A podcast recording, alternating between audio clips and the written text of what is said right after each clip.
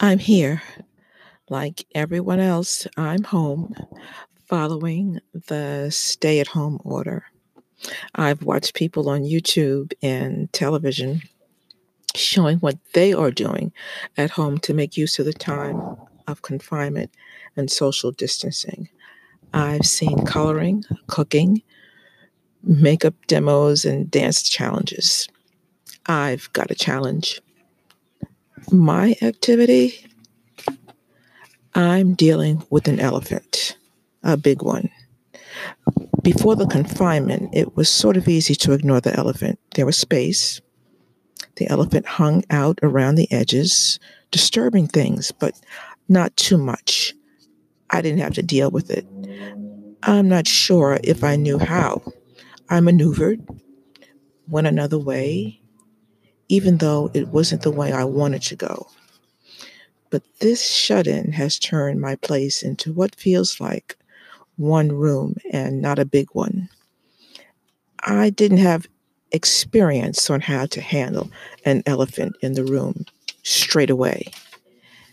Elephant handling, decision making, facing things needs to be taught early in life if not, the unattended elephant will grow to a size that will practically shut down your home and distort movements and temperaments. Now, with limited space, I can see how big the elephant is. If I ignore it, I will have to flatten myself further to squeeze past or walk backwards or don't move at all. I have to deal with the elephant bit by bit it had gotten comfortable. Even now, in this small space, it was twisting and turning, trying to get comfortable again. And in doing that, stuff that had been swept under the rug, forgotten, ruled out, was exposed. Yikes. I glanced through some of the stuff. What fabulous ideas! with forward thinking. No point wasting time looking back. I needed to change the energy in the room, move furniture around, shake things up, determined that the elephant will not get comfortable again. I had made a decision. I repositioned the bookcase, moved it a bit, That's when I saw it. The handwriting on the wall, all spelled out. How did I miss it? But I didn't.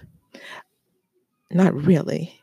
I always felt the right thing to do deep down inside, but somehow went the other way. Not trusting. Probably something to do for sure with confidence. I almost became overwhelmed. Too much to handle. Too much. But then I heard that small voice, the one that I hardly listened to. It said, one thing at a time, one. And then on to the next and the next. That's how you do it. Consistency. So, That's a large part of my activity during the shut-in. Not fun, but challenging, becoming an elephant handler. And when I do, the small space will become bigger and free flowing. Now, I have an access for a while.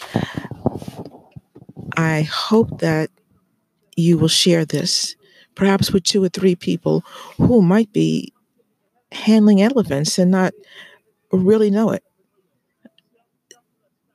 This might help to know that we're not alone in that. And then we too can get back to dancing, cake baking, makeup demming, and all of it. So, pass it on.